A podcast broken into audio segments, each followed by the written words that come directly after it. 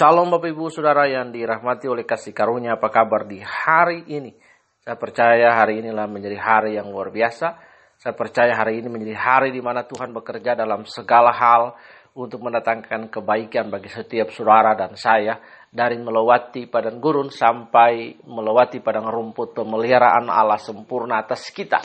Nah Bapak Ibu Saudara yang dirahmati oleh kasih karunia Kristus hari ini 30 September 2020 tema kita hari ini adalah jangan kompromi terambil dari dalam Esra pasal yang ke-10 ayat yang pertama.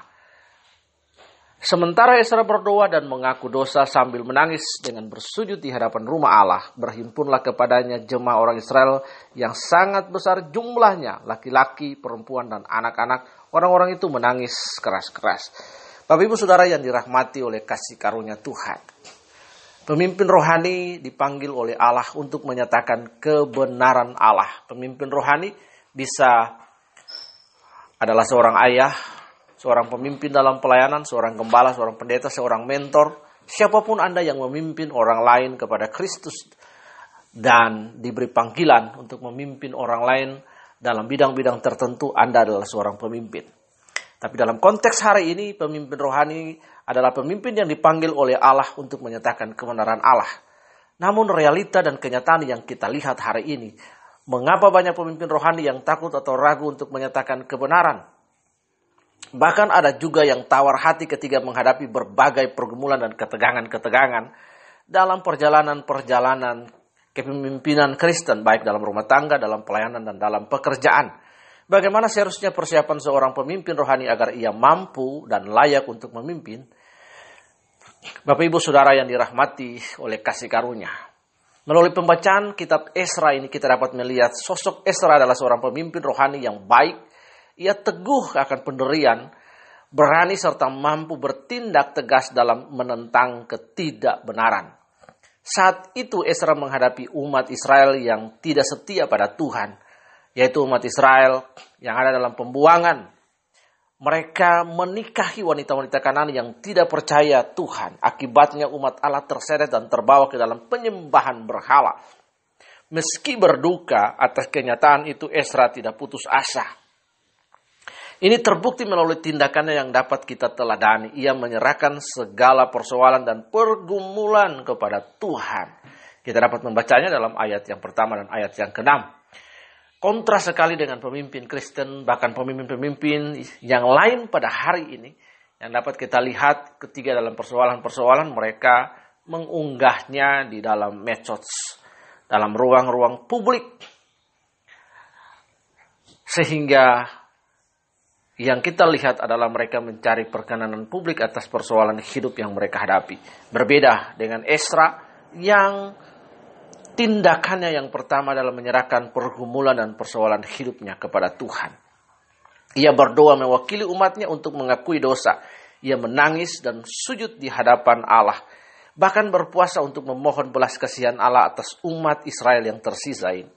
Sikap Esra membawa dampak. Sekanya dari Bani Elam mengakui kesalahan mereka dan mengusulkan pertobatan dengan cara menceraikan wanita asing serta berkomitmen untuk mendukung Esra Bapak Ibu Saudara yang dirahmati oleh kasih karunia, tindakan seorang pemimpin dapat menginspirasi, mendorong orang lain untuk bertobat. Karena itu keteladanan seorang pemimpin dimulai dari tindakannya, tidak saja kata-katanya, tapi tindakannya. Karena itu tindakan lebih berbicara banyak daripada kata-kata. Esra menuntun umatnya sampai pada pertobatan. Ia memerintah sel supaya seluruh imam dan segenap orang Israel melakukan apa yang berkenan kepada Allah memisahkan diri dari perkawinan dengan wanita asing yang menajiskan dan harus hidup kudus menyenangkan hati Tuhan.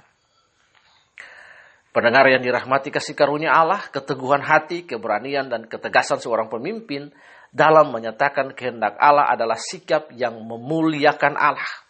Sikap ini dapat memotivasi jemaat untuk mengalami pembaharuan hidup serta bertumbuh di dalam dia.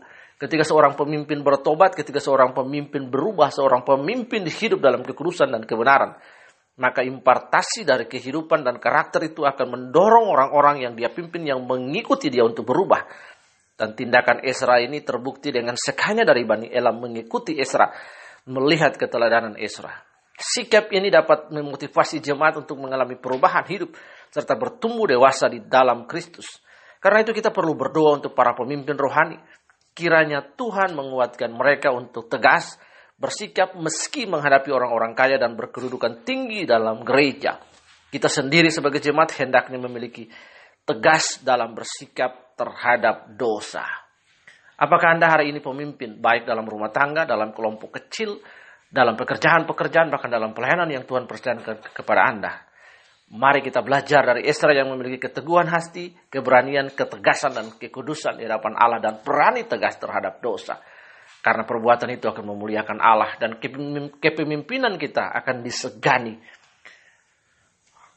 oleh orang-orang yang kita pimpin dan mengikuti kita. Sahabat pendengar yang diberkati Tuhan Yesus memberkati kita, mari kita belajar dari Esra. Minta roh kudus menolong kita untuk mampu mengaplikasikan nilai-nilai kebenaran daripada tindakan Esra. Anda dan saya adalah seorang pemimpin. Kewajiban kita untuk meniru apa yang Alkitab telah gambarkan bagi kita untuk mengaplikasikan terhadap orang-orang yang kita pimpin, yang dipercayakan Allah kepada kita.